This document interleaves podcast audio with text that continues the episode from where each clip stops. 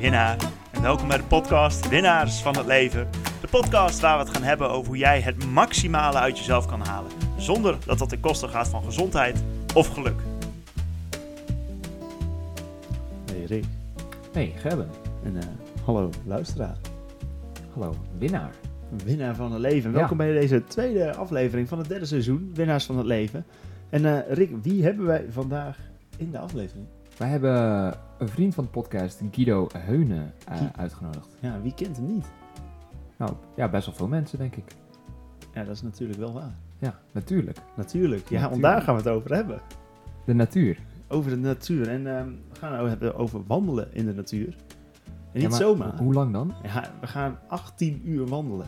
18 uur in de natuur. En wat, eh, ja, wat daar de voordelen van zijn, van 18 uur of langer zelfs in de natuur zijn. En dat is niet het enige. We gaan het ook met Guido hebben over zijn eh, drie weken in de natuur. En niet zomaar de natuur, in de Amazone. Want deze man heeft 21 dagen in zijn eentje, met een gids dan wel, in, eh, in de Amazone gezeten. Geen verbinding, geen eten mee. Alles uit de natuur halen. En Jaguars op de loer. Jaguars op de loer, machete in je zak. En ehm, wat je daaruit haalt als je dus zo lang in de natuur bent. Ik zou zeggen, geniet ervan. En veel luisterplezier. Ja, wie hebben, wie hebben we vandaag? Wie is die, die mysterieuze kiet? Ehm, Guido. Guido Heunen is een meester in de rechten. Hij heeft gewerkt op de Zuidas. Zuidas. En eh, ja, een burn-out later is hij eh, nieuw ondernemer en bovenal natuurgids. Lang verhaal kort is Guido op zijn dertigste acht maanden weg geweest om te reizen en zo vaak mogelijk in de natuur te zijn. Uiteindelijk is zijn doel om op dit moment een business op te zetten. En hij kwam naar ons toe met een project waar hij na 21 dagen in de natuur wil zijn. En dat is nu even getransformeerd naar 18, eh, 18 uur. Om het even rustig aan te beginnen. Maar volgens mij is jouw eh, bovenal plan om dus 21 dagen lange natuurretreats neer te zetten, Giet. Ja, uiteindelijk, nou, 21 dagen is ook maar een nummer, maar wel echt lang. Ja, meer en langer is echt beter. Ehm, Hoe meer, hoe beter. Ja, zeker. Ja, dan heb je wat meer tijd om helemaal eh, af te schakelen van wat er hier in de maatschappij allemaal gebeurt. Ja. Wordt het niet op een gegeven moment knijter saai? Ja, en dat is ook goed. Ja? Ja, dus die eh, verveling, die is juist heel waardevol. Ja, dus het wordt saai, eh, zeker. En eh, dan gebeurt er wat met je als je je niet laat afleiden in verveling. En, en wat gebeurt er dan met je? Dat is wel een hele duidelijke vraag. Ja. ja. Ja, dat is natuurlijk wel voor iedereen anders. Ik kan hem alleen eh, beantwoorden vanuit eh, wat er bij mij gebeurt. Als ik ehm, tot stilte kom in de natuur en dus ook dus er wat langer ben, ehm, dan, dan komen mijn gedachten op een plek waar wat ik normaal niet haal. Dus stel ik, eh, ik denk normaal, eh, weet ik veel, 50% van mijn dingen, dan kom ik ineens tot 80 of tot 100%. En ehm, met alle afleiding buiten natuur lukt mij dat niet. Met normaal bedoel je eigenlijk je tijd in, in de stad. Ja, tijd in, niet in de natuur. Ja, dagelijks gang van, van het leven. Ja. Ehm, Ah, en ik denk juist ehm, dat vervelen, dat kunnen we allemaal niet meer.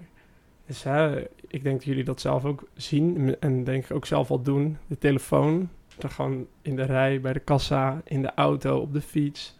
Ehm, als, als je met iemand bent en diegene gaat even naar de wc, van dat minuutje verveling pakken we al niet meer. En dan pak je ineens, zeker als je een langere tijd in de natuur bent, pak je in één keer bijvoorbeeld twee uur verveling. En dan, eh, nou bij mij komt er dan van alles naar boven waar ik al heel lang of nog nooit eh, over na heb gedacht. Heb je, want ik herken dit wel, als je gewoon langer stil bent, dan, dan komt er van alles, goede ideeën of wat dan ook komt er boven. Maar er komen ook heel veel dingen boven die ik nog moet doen.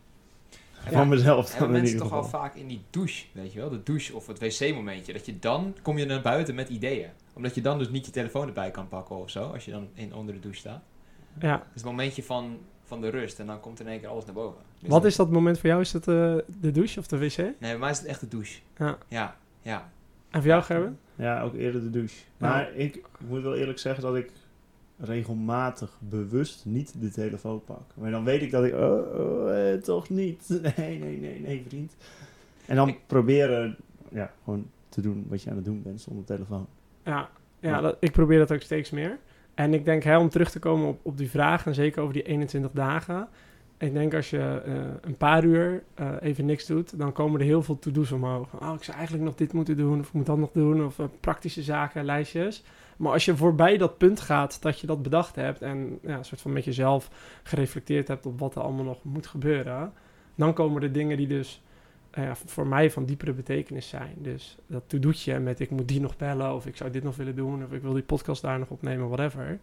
Dat, dat gebeurt wel. Alleen dan, als je daar voorbij gaat, komen er geen to-do's, maar ja, ik noem dat een beetje je innerlijke wijsheid die dan met je tegen jou begint te spreken. En om daarnaar te kunnen luisteren moet je ook wel ja, openstaan. Innerlijke wijsheid. Mooi, Prachtig. mooi. Hey, je bent bezig met een sterke transformatie. Ik zei net al, je bent meester in de rechten geweest. Eh, ja, gewerkt op de Zuidas. Nou, niet per se een hele natuurlijke plek. Ehm, zie jij jezelf als een winnaar van het leven, Guido? Of ik mezelf als een winnaar van het leven zie, Ja. op dit moment zeker, ja. Wat Ja, maakt het dan dat het nu wel is? Nou ja, op dit moment ehm, heb ik het gevoel dat alles bij mij stroomt. Dus ik, ehm, ik volg mijn gevoel en mijn hart. En eh, daardoor kom ik op allemaal mooie plekken waar ik nog nooit ben geweest, maar die wel heel goed voelen. Dus zoals ik dat ik nu bij jullie in deze podcast sta, dat voelt gewoon heel normaal. Terwijl als ik een jaar geleden, toen ik nog eh, bij mijn vorige werkgever zat, had, ik hier eigenlijk ook niks te zoeken of zo. Dan had ik daar ook niet iets te vertellen vanuit mijn eigen passie, vanuit mijn eigen eh, drive. Dus ik voel me wel echt een winnaar van het leven, omdat ik naar mijn passie aan het leven ben. Ja, en het voelt heel goed. Dus het is ook wel spannend, maar het klopt wel. Wat is er gebeurd dan tussen vorig jaar en nu? Ja, goede vraag. Uh, best wel wat. Dus uh, ik denk vorig, nou ja, vorig jaar rond deze tijd was het al duidelijk dat ik een sabbatical zou gaan nemen. Ik ben uh, half augustus ben ik vertrokken bij mijn vorige werkgever Jon Caulfield.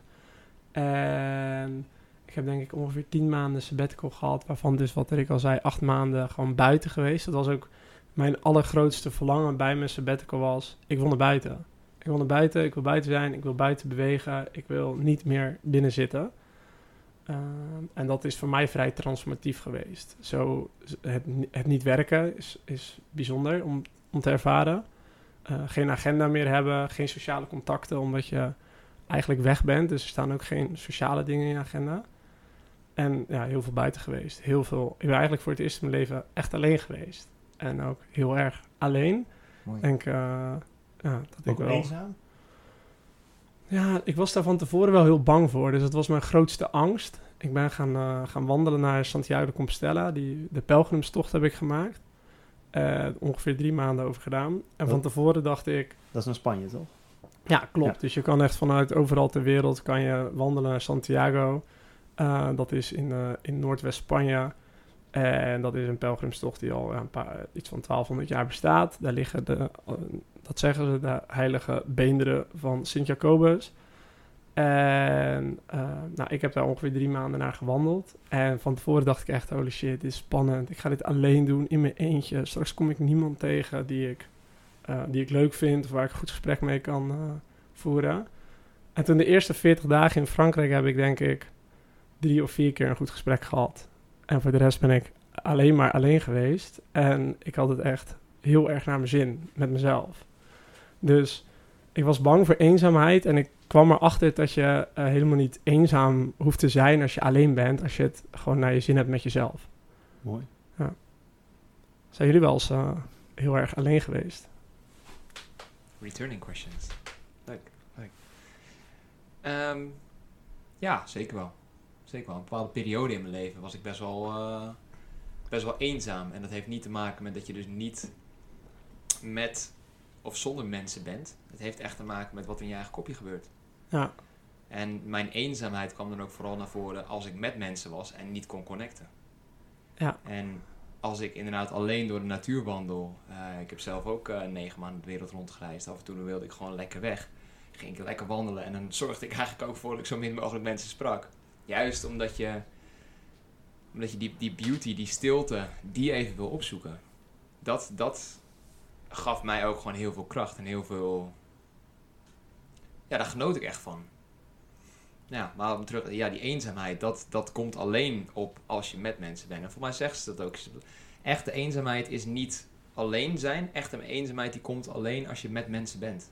Ja, ja, ik weet niet wat, ja, ik weet niet precies hoe het zit, maar het gaat vooral over hoe oké je bent met jezelf of zo op dat Ja. moment. Ja. Dus ik denk dat mensen vooral eenzaamheid ervaren in, eh, in tijden van, eh, van grote stress of verdriet. Als een relatie uitgaat. eh, hè, ik heb zelf een burn-out gehad of in een depressie. Dat je je alleen voelt in dat niemand jou begrijpt. En of jij jezelf ook niet begrijpt. Maar daar hoef je helemaal niet alleen voor te zijn. Nee. Nee, exact. Heel mooi. hey, we zijn al lekker, eh, we zitten al lekker in de diepgang, maar ik zou nog heel even, eh, ja, eigenlijk even terug willen stappen. Ehm, want eh, jij bent je eigen bedrijf begonnen, Guido. Ja, klopt. Hoe lang geleden nu? Ja, officieel nog niet, want ik ben nog niet ingeschreven bij de KVK. Dat, eh, daar hebben ze ook wat eh, personeelstekorten. Eh, maar ik denk iets ongeveer een maandje geleden. Ja. Dus hij loopt. Hij, ik vind dat die loopt, ja. Kan- Ja, lekker. Ja. E- Eerste marketing is de deur uit. De eerste marketing is de deur uit. De facturen mogen nog niet de deur uit. Maar eh, ja, wanneer word je ondernemer? Op het moment dat je beslist dat je het gaat doen, toch? Mooi. Prachtig. Sowieso. Hey, en eh, om daar ook wel meteen ja, in door te pakken. Wij gaan 28 juli lekker de natuur in. Ja, klopt. 18 uurtjes. 18 uur, yes. Waarom 18 eigenlijk? Ja, ik wilde, ik wil eigenlijk mensen langer mee de natuur innemen. Eh, maar je merkt ook dat eh, agenda's vol zijn, weekenden vol zitten. En toen dacht ik, ja, dan door de weeks. En dan wil ik wel, wel even een groot gedeelte van de dag hebben. Dus eh, twee uur of vier uur of zo, dat was hem niet van mij. Dat vind, ja, ik vond 18 Hours of Nature wel mooi klinken. Waar ik het idee heb dat je de tijd hebt om ook te overnachten in de natuur. Maar dat dat niet afdoet aan de rest van het programma. Ja, dat snap ik. Mooi. Mooi. Mooi. En, en wat, wat, ja, ik ben gewoon heel benieuwd. Wat gaan we doen? Ja, wat gaan we doen? Ik kan eh, een klein eh, tipje van de sluier eh, oplichten. Oeh, exclusief. Zeker. nou, wat we gaan doen is, en dat klinkt misschien gek, want we gaan met een man of tien op stap, denk ik. We gaan de stilte in. Dus we gaan ook echt stil zijn, allemaal. Ehm, en dat is, dat is een beetje raar, maar stil zijn met elkaar zorgt echt voor verbinding. Ehm, nou, we gaan natuurlijk eh, slapen in de natuur. Dus eh, ik, eh, het liefst onder een mooie sterrenhemel als het gewoon goed weer is. En anders heel, heel basic. Denk aan eh, liggen in een tarpje of onder een tarp. En Wat dan? Een tarp. Ja. En eh, een zeil wat je, wat je kan spannen, zodat je niet nat wordt. Dus, Nou, eh, gewoon een zeiltje. Is gewoon eigenlijk alleen het dak. ja, gewoon eigenlijk alleen een dak tegen de, tegen de regen. Takjes de grond in. Als Ja. haringen. Ja, precies. Zo, zo, Ja. zo natuurlijk mogelijk. En ehm, Lekker. ja, eh, als het eh, ligt natuurlijk ook een beetje aan het weer of dat kan en de plek. Maar een mooie kampvuursessie eh, s s'avonds eh, na het eten zit er ook wel in. En eh, ja, het is de bedoeling dat we met z'n allen een, een mooie kwetsbaar geheel worden. Waar alles eh, er mag zijn. Waar je kan uiten wat je wil uiten. En, en waarom, of hoe, hoe ziet kwetsbaar er dan uit? Misschien dat een betere vraag. Ja, hoe ziet kwetsbaarheid eruit? Dat is denk Moeten we met z'n allen gaan huilen? Nee, dat is helemaal niet nodig. Ik denk ook niet dat kwetsbaarheid eh, te maken heeft met, met huilen. Eh, ik denk dat kwetsbaarheid een eh, enorme kracht kan zijn. Maar het gaat wel heel erg over jezelf blootgeven. En durven aan te gaan wat er diep van binnen echt tegen je gezegd wordt. Dus het kan Mhm. van alles zijn. Hè? Mensen willen misschien een nieuwe baan, vinden de plek waar ze wonen niet fijn, ehm, balen van hun volle agenda, hebben eigenlijk geen behoefte meer in hun partner, eh, vinden zichzelf te dik eh, of vinden dat ze overspannen zijn of whatever. Maar we zijn heel goed als mensen in wat er echt toe doet bij ons. Om dat soort van een beetje samen te knijpen ergens. En dan voor, voor mij is het altijd een beetje in je, in je buikgebied. En daar lekker fijn te knijpen en het niet omhoog te laten borrelen. En voor mij ziet kwetsbaarheid er dus uit dat we even dat knijpen los gaan laten. En dan omhoog laten komen wat, eh, wat er dus eigenlijk eh, uit wil. En, en waarom is de natuur daar dan zo'n goede plek voor? Ja, mooie vraag. Ehm, de natuur is ehm, wat mij betreft een medicijn eh, voor heel veel verschillende dingen. En in, eh, in een landelijke omgeving, zeg maar, in een stedelijke omgeving, daar hangt een hele andere energie. Dus we, we leven daar vooral binnen. Er is heel veel ruis, heel veel ehm, lawaai van, van het verkeer, van mensen, eh, van werk. Eh, en dat bevordert niet dat je je helemaal kan openstellen. Nou, en als je het dan, als je bijvoorbeeld, ik weet niet of jullie wat weten over frequenties. Zeker. Ja, dus in de, ehm, na- in de natuur hangt een hele hoge frequentie en in de steden hangt een hele lage frequentie. En ehm, als je met jezelf aan de slag wil, dan werkt daarvoor een, hele, een eh, plek waar een hele hoge frequentie is. En je kan dat ook heel veel merken op plekken waar bijvoorbeeld mensen echt heen komen om te bezinnen. Dus eh, jullie zijn denk ik allemaal wel eens een hele grote kerk bijvoorbeeld ingestapt, waarin je binnenstapt en je gewoon gelijk rustiger wordt. Mhm. Uh, daar kan je het ook een beetje mee vergelijken met de natuur. De natuur zorgt daarvoor. De geluiden zijn aangenaam aan je, aan je gehoor. Wat je ziet is rustig. Uh, je tempo is ook rustig. En daardoor um, kom je zelf ook in een soort van rustige vaarwater terecht. Waardoor je um, kan gaan luisteren naar wat er bij jou van binnen speelt. Mooi. Ik, ik ben dan benieuwd, hè, want als ik naar de zee kijk, dan word ik rustig. Bij een bos kan ik ook rustig worden. En hoe, hoe, hoe zie jij dat verschil? Zee, bos, want het is totaal twee andere plekken. Uh, misschien andere energieën, misschien andere frequenties. Maar hoe zie jij dat? Ja, ik, ik denk dat um, natuur altijd helpt voor iedereen. Uh, als je ook gewoon kijkt naar de wetenschappelijke bewijzen die daar de laatste jaren voor geleverd zijn, dan uh, is het voor iedereen uh, goed om tijd in de natuur door te brengen. En dat heb je volgens mij al vanaf een uur of twee uur per, per week. Stanford University heeft daar best wel wat onderzoek naar gedaan. Dat je prefrontale frontex van je hersenen, je cortex bedoel ik, um, dat die um, kan tot rust kan komen in de natuur. Mhm. Mm -hmm. um, ja, ik denk zelf dat waar je ook bent in de natuur, dat het niet heel erg uitmaakt. Dat het ook gaat om, om wat je zelf fijn vindt. En dat je wat er om je heen in de natuur gebeurt, heel, altijd heel goed kan gebruiken als spiegel voor wat je voelt. Dus je kan bijvoorbeeld hè, de zee, je kan daar van alles in zien. Als je daar naar kijkt en je hebt bepaalde vragen, kan je heel goed de zee als metafoor gebruiken. Maar hetzelfde kan je een uh, boom gebruiken of vogels die vliegen. Dus ik denk niet dat de plek waar je bent heel erg uitmaakt. Ik denk wel dat hoe uitdagender het is om in de natuur te zijn. Dus stel je bent bijvoorbeeld in een woestijn of in de bergen of uh, in de uh, in, een gebied met heel veel kou. Um, ja, hoe uitdagender het is, hoe verder uit je comfortzone, hoe sneller jouw patronen omhoog gaan komen, omdat je een soort van overlevingsmechanisme komt. En als je Mhm. snel inzicht wil over jezelf is, is dat best fijn om, om het ook best spannend te maken. Maar dat, maar dat hoeft niet per se. Ja, nee, ja dat, snap, dat snap ik goed. Wat, wat is jouw go-to natuurplek dan? Ik vind uh, in Nederland zelf de, de bossen en de duingebieden heel fijn. Uh, bossen vanwege de stilte. Dus in een bos kan ik echt lopen en dan dat je ergens bent en dat je dan in één keer denkt: Oh, ik hoor de stilte. En dat is vaak op een plaats waar alles groen is. Dus bijvoorbeeld heel veel mos ook is en heel veel varens. En het is gewoon helemaal stil. En dan, dat neemt voor mij alle ruis weg. En dan ga je, kan ik in één keer luisteren en dan hoor ik vliegen en, en bijen en vogeltjes en van alles. En dan, als ik daar wat langer ben, dan kan ik ook goed naar mezelf luisteren.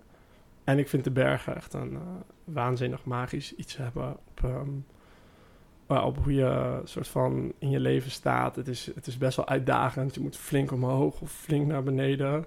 Temperatuurverschillen, maar je hebt ook enorme uh, overgangen in, in hoe de natuur eruit ziet. Dus ja, dat zijn wel mijn twee favorieten. Mooi. Heb jij, want we hadden het net even kort over jouw sabbatical. Je bent acht maanden weg geweest.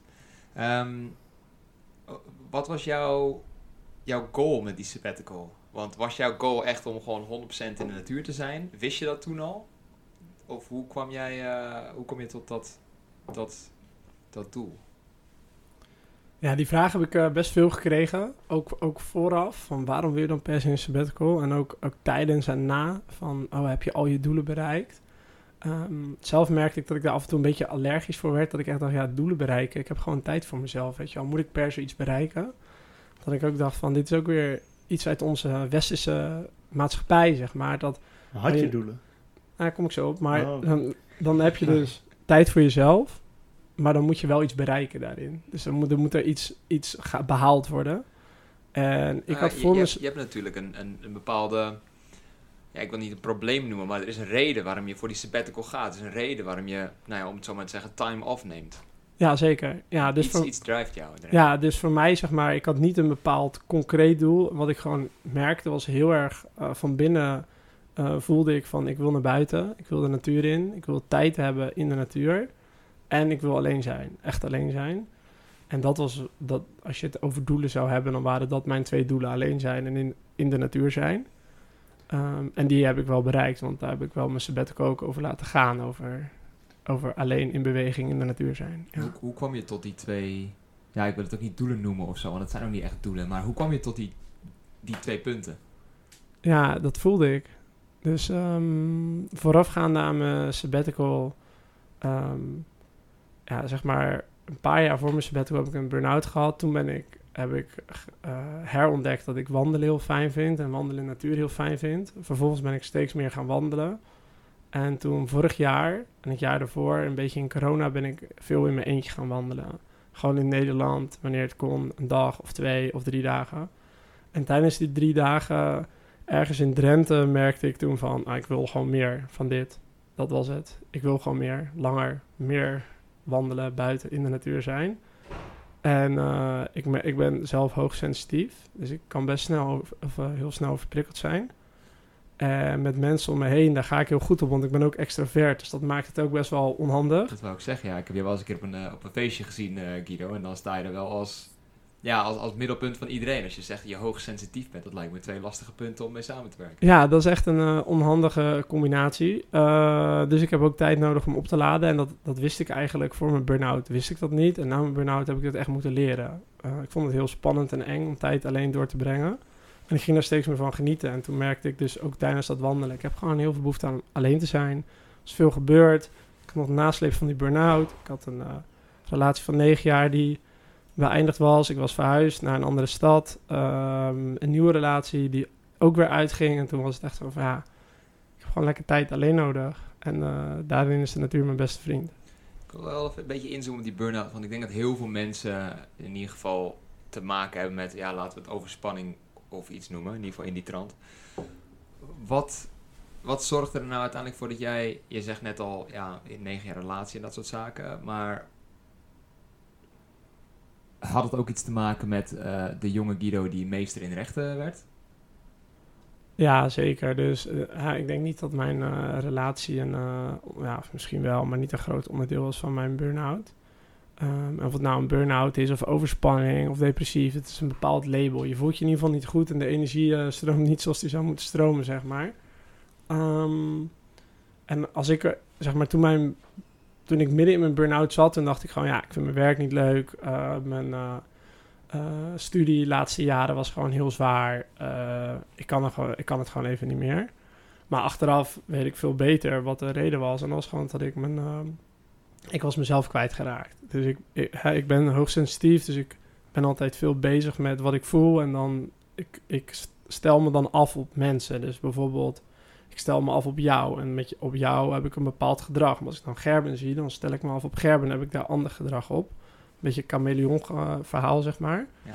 Maar daardoor wist ik eigenlijk helemaal niet meer wie ik zelf was. En wat ik zelf leuk vond. Dus ik weet ook nog heel goed dat ik bij de huisarts kwam. En toen zei ze, je, eh, ik adviseer je om niet meer te gaan werken nu, vanaf vandaag.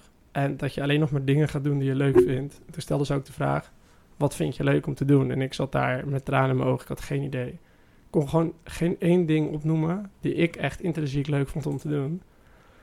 Ehm, dus dat is bij mij wel echt eh, de reden geweest dat ik mezelf, ik niet naar mezelf luisterde. En dat, hè, jouw vraag heeft een stuk van meester in de rechten mee te maken. Ja, Kijk, toen ik 18 was, wist ik niet wat ik wilde. Recht en bedrijfskunde was echt een prima studie. Ehm, lekker breed. Ik wist toch niet wat ik wilde. Maar gaandeweg had ik al lang door dat rechten niet mijn studie was. Maar ik heb mezelf nooit toegestaan daarover na te denken. En als ik al voelde, rechten is hem niet, dan stond ik mezelf niet toe daar iets mee te doen. Maar dan moest ik van mezelf gewoon door. Ehm, terwijl dat ook zonde is, weet je. Je kan ook in je studententijd denken... Oh, deze studie is het niet. Ik ga een andere doen die wel bij me past. Dus daarin luisterde ik ook niet naar mezelf. Wa- waar had dat mee te maken dan? Dat ik niet luister naar mezelf. Ja, want je zegt wel, ja, ik wist het wel ergens. Ja, ik, ik denk dat diep van binnen we alles heel goed weten, allemaal.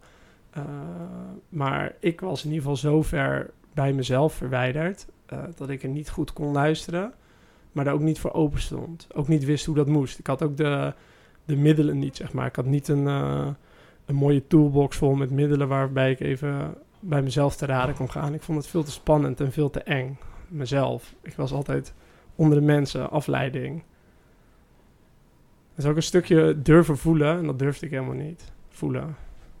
Ja, ja, ja. En door de natuur heb je jezelf eigenlijk weer teruggevonden. Nou, de natuur is voor mij een heel groot eh, eh, deel daarvan. eh, ja, is wel heel groot, van heel groot belang geweest, ja. En hij leefde nog lang en gelukkig. Laten we het hopen.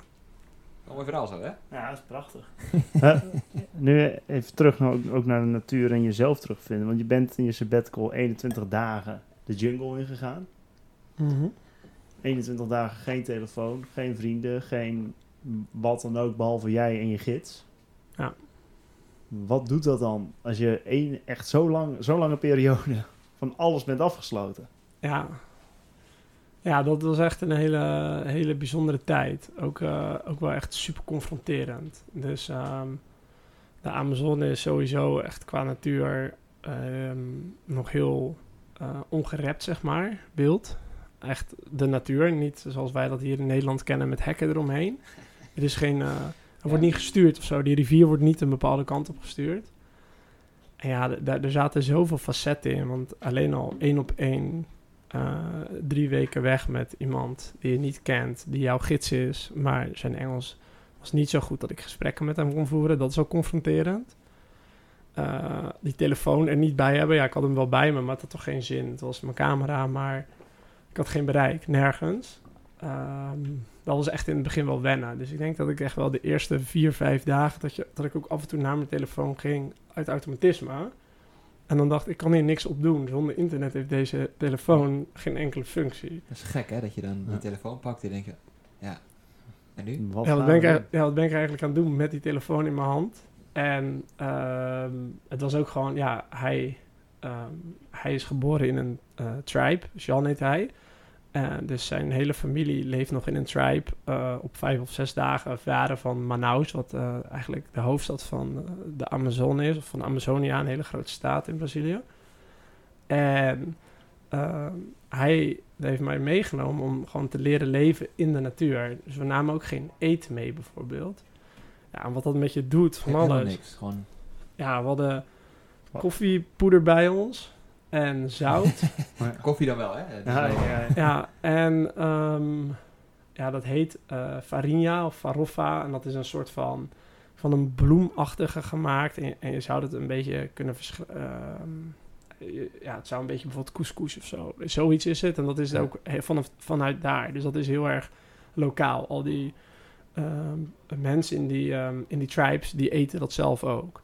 Dat is een soort van, ja, wat vroeger bij ons de aardappel was. Weet je wel, een soort van Ja. product. Dat hadden we bij ons. En dan was het. En ja, wat het dan met je doet, zo lang en weg. ehm, heel veel. Dus het was ook heel overweldigend. Dus als je die drie levels hebt van je hebt je comfortzone, je stretchzone en je paniczone. Waar je in je comfortzone eigenlijk niet leert. In je stretchzone heel veel kan leren. En in je paniczone eigenlijk dat er te, zoveel gebeurt dat je ook een beetje uh, freeze, zeg maar. Of flight of Mhm. freeze of fight, whatever. Ehm, zat ik best wel af en toe in die, in die, in die ehm, panic zone. Want van het een op het andere moment verandert gewoon alles. Van hoe de temperatuur is, naar hoe alles eruit ziet, naar hoe je zit, hoe je eet, hoe je drinkt. Weet je, ik dronk gewoon rechtstreeks uit de rivier. En dat is ook even wennen dat je dat gewoon doet. Dat water was niet helder, zeg maar. Het was gewoon troebel. Ehm, en ik zat altijd helemaal onder de modder. Want het was daar gewoon, ehm, zeg maar, nat. Dus alles was modderig. Dus mijn voeten begonnen ook, ja, te, beetje tussen mijn tenen en zo, begonnen gewoon mijn vellen eraf te eh, komen. Omdat je gewoon altijd natte voeten hebt. En ja, het is gewoon gek, weet je. En dan ben je daar en dan wil je even schoon worden. Dan zeg je tegen je gids, mag ik hier zwemmen? Zegt hij, nee, doe maar niet, want er zitten hier heel veel anaconda's. En weet je wel, dan ben je echt op een plek, weet je. Mijn gids sliep met een shotgun, geladen shotgun in zijn hangmat. We sliepen sowieso in hangmatten, wat ik nog niet heel veel eerder heb gedaan. Ehm, dag 1 leerde hij me hoe je om moet gaan met een machete. En legde hij me uit hoe je een, eh, een jaguar kan doden als die je aanvalt. En dan denk ik, ja, ik ben de allergrootste gringo op aarde. Ik denk dat ik een kans maak tegen die jaguar. Dus er gebeurt heel veel tegelijkertijd. En het mooie vond ik aan daar drie weken zijn, is dat er zeker de eerste tien dagen gebeurde er heel veel. Had ik ook weerstand, vond ik het gewoon moeilijk. Werd ik af en toe een beetje boos op mijn gids, ook omdat ik was zo ver uit mijn comfort. En ik kon het ook met niemand bespreken. Dat ik ook gewoon af en toe een beetje samenkneep van de spanning. Maar je, ehm, je, je lijf kan zich zo snel aanpassen. En je geest ook. Dus op de eerste dagen had ik overal pijn in mijn knieën, in mijn, in mijn eh, enkels. Gewoon al mijn gewrichten deden pijn. En toch al in, na tien dagen merk je al dat je daar weer op aangepast bent. En ook mentaal. Omdat je gewoon in een hangmatje ligt midden in de jungle. Uh, hoe je alles doet, hoe je je eten bereidt. Je, wordt zo, je kan je zo snel aanpassen. En, en dat vind ik wel mooi om dat te ervaren. Dus ik zou mensen ook echt adviseren als ze zoiets doen... om in ieder geval langer dan een week te gaan. Omdat ik denk dat die eerste week is gewoon ook een beetje paniek en puinhoop en terror, zeg maar... wat er Ja. allemaal in je hoofd afspeelt. En het is ook wel mooi als dat even kan landen... en dat je dan de tijd hebt. Ben je echt relaxed geworden in dus die laatste twee dagen dat je echt gewoon aan het chillen was volledig? Ja, heel erg. Want ehm, nou, het was dus hè, 21 dagen. En ik denk, ehm, als het bijvoorbeeld regende, echt hard regende, dan gingen we gewoon allebei in ons hangmat liggen onder, onder een eh, stukje zeil. En dan eh, spraken we ook niet met elkaar, maar ik had ook geen boek bij me of zo, of geen telefoon of whatever. Dus dan lag ik gewoon in die hangmat, heen en weer te wiegen en een beetje te mijmeren. En dat heb ik denk ik wel, nou laten we zeggen, 15 dagen, ge- meerdere uren achter elkaar gedaan. Dus dan ben je zo in die, waar we het net over hadden, vervelings-ontspanningsmodus. En ehm, de nou, laatste 36 uur was gewoon terugreizen per boot. En ik, nou, ik zou dat nu denk ik alweer niet meer kunnen. Maar ik ging dan gewoon op de boot zitten en naar de Amazone kijken. En dan deed ik gewoon urenlang. Zonder, ja, dat, en dat was ook nog eens heerlijk ook.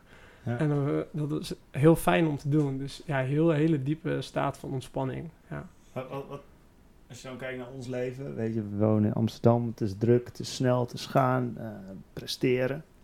En je hebt daar echt de andere kant. Gewoon niks. ja, Je hebt ze allebei meegemaakt, je kent ze allebei. Wat is dan je visie op, op de wereld, op het leven, op, op die twee werelden? Diepe vraag hoor, hij. Ja, dat- Zo. ja eh, kan je je vraag eens eh, verduidelijken? Ehm, nou ja, ik probeer hem niet te sturend te maken, maar wat, wat, zie jij al, nou ja, wat zie je als beter? Ja. Ja, goede vraag. Ik merk ook dat ik niet direct een antwoord daarop heb. Ehm, ik denk wel dat we hier, en dan met hier bedoel ik in de westerse samenleving, ehm, waar inmiddels 50% van de mensen in de stad woont, en ze gaan ervan uit dat dat per 2050 eh 70% is, dat we steeds verder afraken van de natuur. Ehm, maar daarmee ook van onze eigen natuur. En omdat we, we gewoon als mensen niet meer weten wat de natuur is, ehm, is dat ook heel moeilijk om met alles ingecheckt te zijn. Weet je wel? Want we weten niet waar ons eten vandaan komt en hoe dat groeit. En we, we weten niet hoe het weer werkt. En we hebben, we hebben overal heel veel apps en handigheden voor, maar uiteindelijk zijn we niet in contact met die natuur. En wij mensen zijn zelf ook natuur. Wij zijn gewoon een diersoort, onderdeel van, van de natuur. En op een of andere manier hebben we, ja, de- laten we zeggen, de laatste 10.000 jaar zijn we heel goed geworden in ons boven die natuur gaan eh, plaatsen. Ehm, ik denk niet dat dat goed is. En ik denk ook als je kijkt naar eh, een aantal grote eh crisissen waar we voor staan, en misschien de klimaatcrisis, is, ik weet niet of je dat al een crisis mag noemen, dat het als je zo in contact met de natuur zou staan, als de mensen in de, in de jungle of waar dan ook die echt in de natuur wonen, dan denk ik dat we heel duidelijk weten wat we te doen hebben. Eh, namelijk heel veel laten. Ehm, en, en over een andere boeg gooien. Maar zolang we niet in, in contact zijn met die natuur, is dat ook heel moeilijk. Het is heel moeilijk vanuit ons appartementje in Amsterdam, waar we eh, met de fiets, eh, of met het liefst nog de elektrische fiets, mee naar ons werk fietsen om zeg maar boodschappen te bestellen via een app, is het heel moeilijk om je echt daarin te verplaatsen.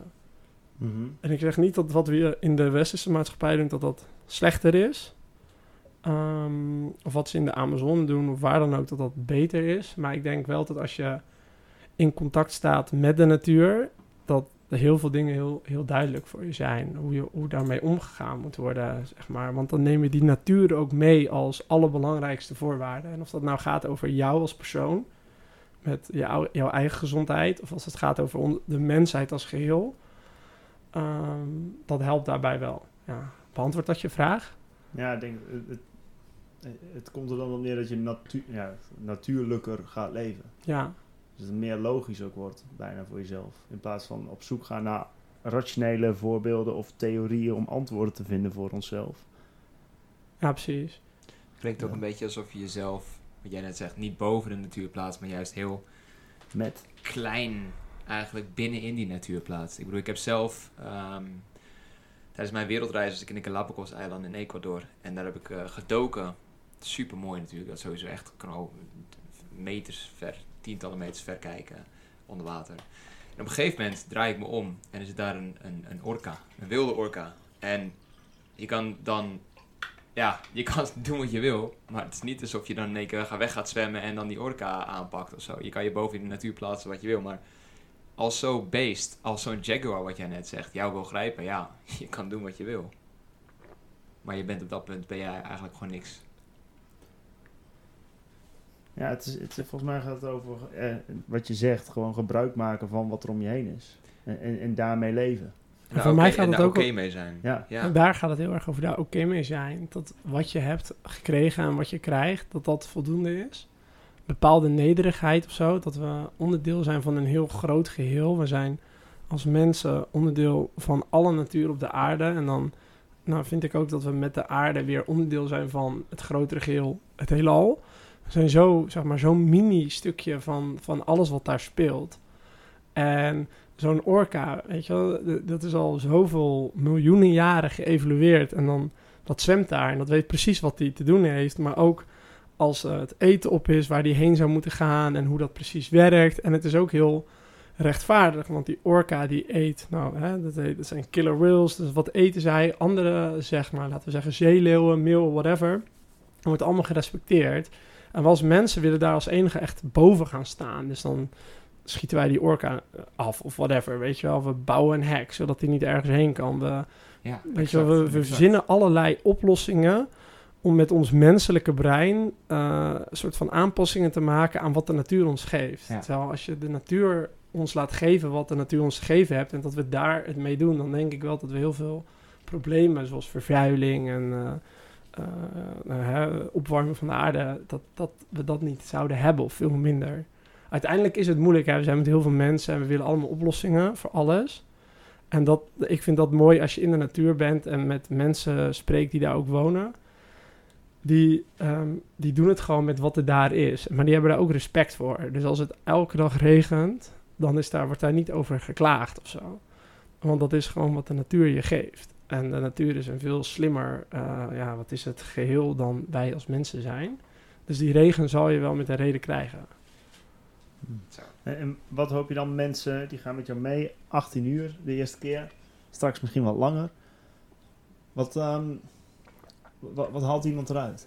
Behalve verveling. En wat halen wij eruit? Wij gaan mee, hè? Ja, Ja, wij gaan mee. wat- wat halen Nou wij ja, eruit? ook, Ja. ook om even na te denken van... Wij zijn fan, wij- wij zijn hier al veel mee bezig, maar er zijn ook heel veel mensen die hier misschien naar luisteren. Denken, holy shit, dit staat echt ver van me af. En ik ben wel eens benieuwd wat we dan gaan doen. Die zijn nog meester in rechten, zeg maar. ja. Ja, ben ik ook nog steeds, hè? Oh, oh, oh. oh. Ja, eh, blijf ik. plaatst maar- ook boven ons. Ja, ja, ja. Zeker niet. Ehm, nee, maar wel een goede vraag. En ik denk wel dat het voor iedereen eh, anders is. Ehm, wat mensen in ieder geval die deelnemen aan mijn programma's of aan programma's van anderen, want er zijn ook al veel veel andere clubs die eh, dit doen, is ten eerste een stuk verstillen in een heel druk leven. Ik denk dat we allemaal heel druk zijn, volle werkagenda, volle sociale agenda. Ehm, dat we echt even stil gaan staan. Dus dat je de stilte ervaart, maar ook dat je even offline bent. Geen, eh, dat tijd er niet toe doet. Maakt niet uit hoe laat het is. Eh, je doet gewoon wat je op dat moment eh, gaat doen. Niet volgens een bepaalde planning. Ik denk eh, dat mensen in ieder geval ook gaan ervaren wat bewegen in de natuur met je doet. Dus ik denk, nou, ik wil, de vraag wel stellen: hoe voelen jullie als je een uurtje hebt gewandeld in het bos of in de duinen? Ten opzichte van daarvoor. Ja, rustig. Ja, hoe snel? Gewoon relax wandelen. Ja, gewoon als Ja. je Ja, relaxed bent. Ja, ja, ja, die gaat meteen al een stukje Nee, Nee, gewoon ja, ja, chill. Ja, chill. Nee, ik Ja. denk zelfs als je gaat rennen, dat als je een stukje gaat joggen, dat is toch ook al lekker. Als je dan, Ja, Nou ja, als ja, Vondelpark is dan niet... Ja, ja, Ja, Flevopark wel. Vondelpark is even te druk, maar Amsterdamse bos kan ook. ja, In zeker. ieder geval als je in Amsterdam woont. Als je ergens anders woont, heb je waarschijnlijk Ja. eh, meer natuur om je heen. Ja, maar dat, maar dat is wel een mooi voorbeeld, want ze hebben daar, eh, Stanford University heeft daar dus onderzoek naar gedaan. En die hebben eh, mensen gemeten die dan 90 minuten gingen wandelen in de natuur. En 90 minuten gingen wandelen in de stad. En dan het verschil eh, tussen wat er gebeurt. En mensen, en dan lieten ze vooraf en achteraf bepaalde testjes doen, wat weet ik niet precies. En die mensen die dus 90 minuten in de natuur zijn, hebben gewandeld, die maakten die testjes gemiddeld 48% beter dan die groep die eh, in de stad had gewandeld. Eh, terwijl ze daarvoor zeg maar het gelijk, gelijk presteerden. Dus dan is alleen al die 90 minuten wat voor effect dat kan hebben. Nou ja, dan 18 uur is natuurlijk langer dan 90 minuten. Dus Ja. ik denk dat dat ook tot effect gaat hebben dat je daarin gaat met, eh, laten we zeggen, een vol hoofd. Misschien wel gestrest, vermoeid, niet zo goed weten welk kant je op wil. Het is natuurlijk geen magic box. Niet 18 uur later kom je eruit als een ander mens. Je weet precies hoe je je leven wilt gaan inrichten en je gaat ervoor. Maar ik denk wel dat je, hè, wat je zei, chiller bent, rustiger, even wat dingen verwerkt. Eh, misschien eh, heb kunnen luisteren naar, naar iets wat al wat langer speelt, maar wat je aan het wegdrukken bent. Ik denk dat dat wel dingen zijn die je eruit kan halen. Ja. En het ligt ook echt aan waar je gewend aan bent en waar niet. Eh, ik bedoel, jullie zijn allebei twee fitte mannen. Ehm, en dus zal bijvoorbeeld de beweging voor jullie wat minder ehm, gevolgen hebben dan voor mensen die bijvoorbeeld niet zoveel bewegen. Lichamelijk gevolgen. Ja, geval. lichamelijke gevolgen, ja. Ja. Hè, maar beweging eh, is ook weer goed voor je mentale gesteldheid. En nou, hè, jullie zijn ook eh, graag te vinden in de sportschool. Maar buiten bewegen doet nog steeds iets anders met je dan binnen bewegen. Ja. Zeker. Ja. Zeker, zeker. Hey, ehm, ik weet niet hoe lang... eh, kijk Rick even aan. Of Ja, ik heb alles in de gaten hier. Ja, heel goed, heel goed. Maar ehm, ja, ik ga toch even een vraag stellen. Want je gaat niet wekelijks achter uur de bossen in. Klopt. Dat is Dus- exact de vraag die ik Jammer, hè? Echt? Ja, zeker. Ja, tuurlijk. Gedachte. Maar ja, wat, wat, wat zou je dan mensen meegeven die in de stad wonen? Eh, of niet eens in een stad, maar die, weet je, je woont ergens. In een huis wonen. In een huis. Ja. Die, niet midden in de natuur. Eh, en die toch iedere dag een beetje die voordelen van de natuur willen hebben. ja, mijn grootste advies is, ga de natuur in. Eh, meer is beter, maar als je weinig tijd hebt, eh, maak er dan een beetje tijd voor. En, nou, en huisarts in België heeft net heel erg geëxperimenteerd met natuur als, zeg maar, eh, als medicijn, als het soort van, als mensen met klachten kwamen, dat ze gewoon als prescription gaf, je moet de natuur in. En zij sprak met die patiënten af, minstens twee uur per week de natuur in. En dat mag in één keer twee uur zijn, maar je kan ook bijvoorbeeld vier keer 30 minuten gaan. Ja. En de natuur is al, het is gewoon al heel gauw natuur. Hè? Dus jullie hadden het net al even over het Amsterdamse Bos of Vondelpark.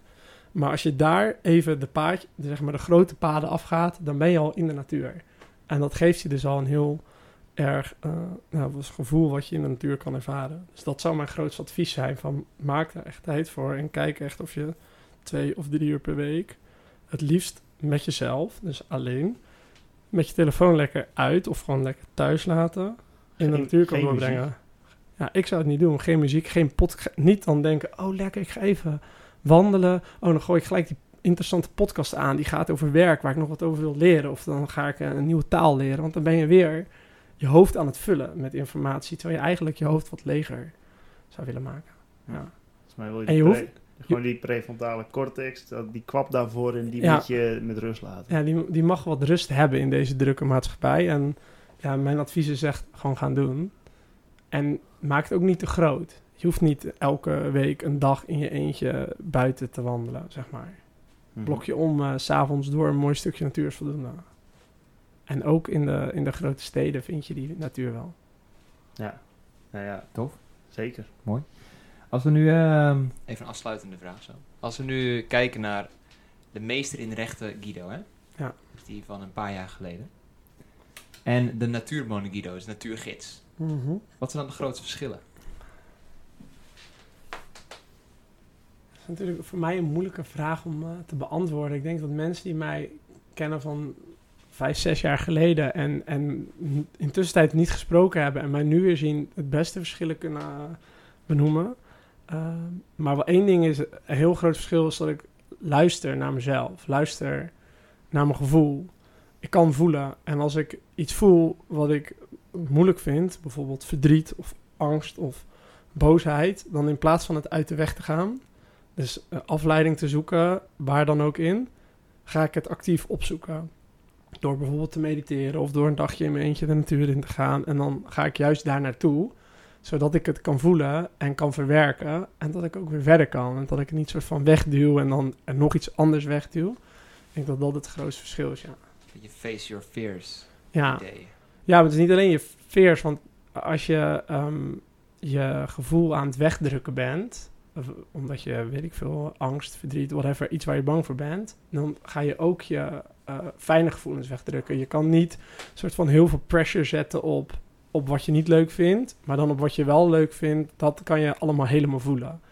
Dus ik leef veel intenser. Als ik verdrietig ben, huil ik. Maar als ik blij ben, dan lach ik ook. Weet je wel, dat, dat komt er echt uit. En je, dat merk ik zelf, want ik ben veel minder afgestompt geworden. En dat is heel lekker. Ja. Het is veel puurder. Mooi. Face your emotions. Ja, Ja, meer facial emotions, welke ze ook zijn. Want, Ja. want, want verdriet is eh, eigenlijk ook heel mooi, maar eh, geluk is ook heel, heel fijn. Ja, Gewoon ja. zonde als je, als je het niet eh, voelt. Ja, ja, diepe dalen, diepe stijging, iets in die trant. Ja, zoiets. Gewoon, ja, ja. Hoge bergen, diepe dalen. Dat, sucks. Jullie, mag ik jou een compliment geven? Graag. Ik merk namelijk zelf ook helemaal dat ik... Nou ja, we hebben nu gewoon een gesprekje. Maar ik merk jou, jouw rust. Het is alsof ik met de natuur zelf aan het praten ben. Om maar even een heel cliché jasje te steken of zo. Ehm, nee, maar ik vind echt dat jij een bepaalde rust uitstraalt. En ik hoop ook dat we dat hebben over kunnen brengen via deze, via deze podcast. Maar ja, die, die rust, die, die merk ik. Het is inderdaad alsof deze, deze maandag heerlijk, heerlijk rustig is. Ja. Gewoon, En enthousiasme. Over Thanks. ja, ja. Ja. Lekker, Ja, Kies. leuk om te horen. En eh, jullie ook bedankt dat ik eh, hier in de podcast eh, mag zijn. Eh, sowieso ook bedankt dat jullie eh, zo enthousiast zijn over eh, mijn eh, nieuwe programma 18 Hours of Nature. Dat jullie gaan deelnemen. Eh, Ja, ja, ja, ja. Maar ook leuk om hier gewoon even met jullie te kletsen. Zeker. Dus- Maar ja, toch, waar kunnen mensen je vinden als ze mee willen? Ja, dus waar kunnen mensen me vinden is... eh, ik, heb, eh, ik heb een soort van mock-up website gemaakt. Eh, die vind je als je het makkelijkst via mijn LinkedIn. En ik denk dat sowieso alles wat, wat je wil vinden over mij te vinden is op mijn LinkedIn. Mhm. Ehm, dus ja, waar ben ik te vinden? LinkedIn of eh, Guido Deze- Heunen. twee mannen kunnen je doorlinken. Zeker. Komen Ja. linkjes in de, in de Spotify.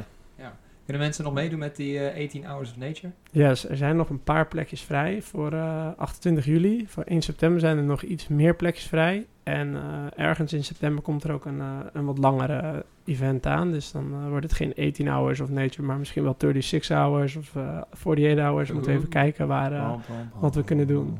Wat Iedereen- kost, wat kost dat? Wat kost dat? Ja, we- weet ik nog niet precies. Ik moet even kijken. Ik, ik ben eh, in deze business niet begonnen om rijk te worden. Eh, maar uiteindelijk eh, moet er wel brood op de plank komen. Moeten mijn kosten er ook uitkomen. Nee, maar de 18 Hours of Nature. 18 Hours of Nature is 99 euro eh, pp. En als ik het goed heb begrepen, is dat voor nu, hè? Want dat is de eerste, eerste twee edities, de 28 juli en 1 september. Ja, klopt.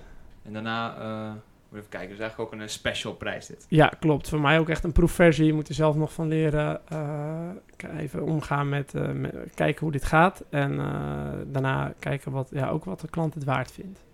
Ja, mooi. Vet. Ik zie jou 28 juli. Tof. Zeker. Ja, mooi. Thanks, Giet. Thanks man, hè? Heel leuk. Dankjewel. Hey, Gavin. Hey, Rick. Wat vond jij hiervan? Ja, ik vond dit een, eh een zenvol gesprek. Lekker, hè? Ja. Ja, Nee, maar maar- dat is wel mooi. Ja, maar ik merk wel, meestal zijn we best wel hyped na gesprekken. En ik merk nu gewoon een stuk meer rust. Ja, Gewoon lekker ontspannen, deze man staat er ook. aard zijn we. Geaard. Ja, ja. Jij noemde het net puur. Ja, ik vind Guido echt een puur, pure jongen. Ja, mooi. En, en ja, toch, dat, dat, dat straalt hij dan ook uit. En, en mooi om te zien dat hij dat dan vanuit die natuur haalt. Ook vet om te zien dat hij vanuit deze rechterkant komt en dan nu met deze natuurkant bezig is. Zonder dat het al te zweverig of spiritueel wordt. In ieder Ja. geval niet voor mij. Nee, exact, exact. Ehm, ja, gewoon goed om, eh, om te blijven volgen. Ja, ik ben ook erg benieuwd naar de 28e. Ehm, Ja, leuk. Gewoon lekker de natuur in te gaan. En ja, ik ben wel benieuwd hoe, eh, ja, hoe snel ik mij ga vervelen daar. Ik, eh, ja, ik En hoop, net, ik hoop geleerd dat het belangrijk is, hè, jezelf zijn, vervelen. Ja. Ja. Ik ga ik zo ook doen. Lekker, lekker vervelen. Gewoon helemaal niks doen. Helemaal goed. Hey, en mocht jij je nou ook willen vervelen, Ja, dan hebben wij dus in de webshop op, eh, op onze website mindthebody.live. Op de webshop, daar eh, kan je een, eh, een wandeling met, met Guido ja, aanschaffen. lekker, 25 minuutjes vervelen. Ja, ja, exact, exact. En, en wat je dan doet is, ja, je hebt gewoon je hebt Guido in je oren en je, je zoekt een, een mooi park op of een natuurruimte om je heen. En hij neemt je mee op de wandeltour Lekker. als onze natuurgids.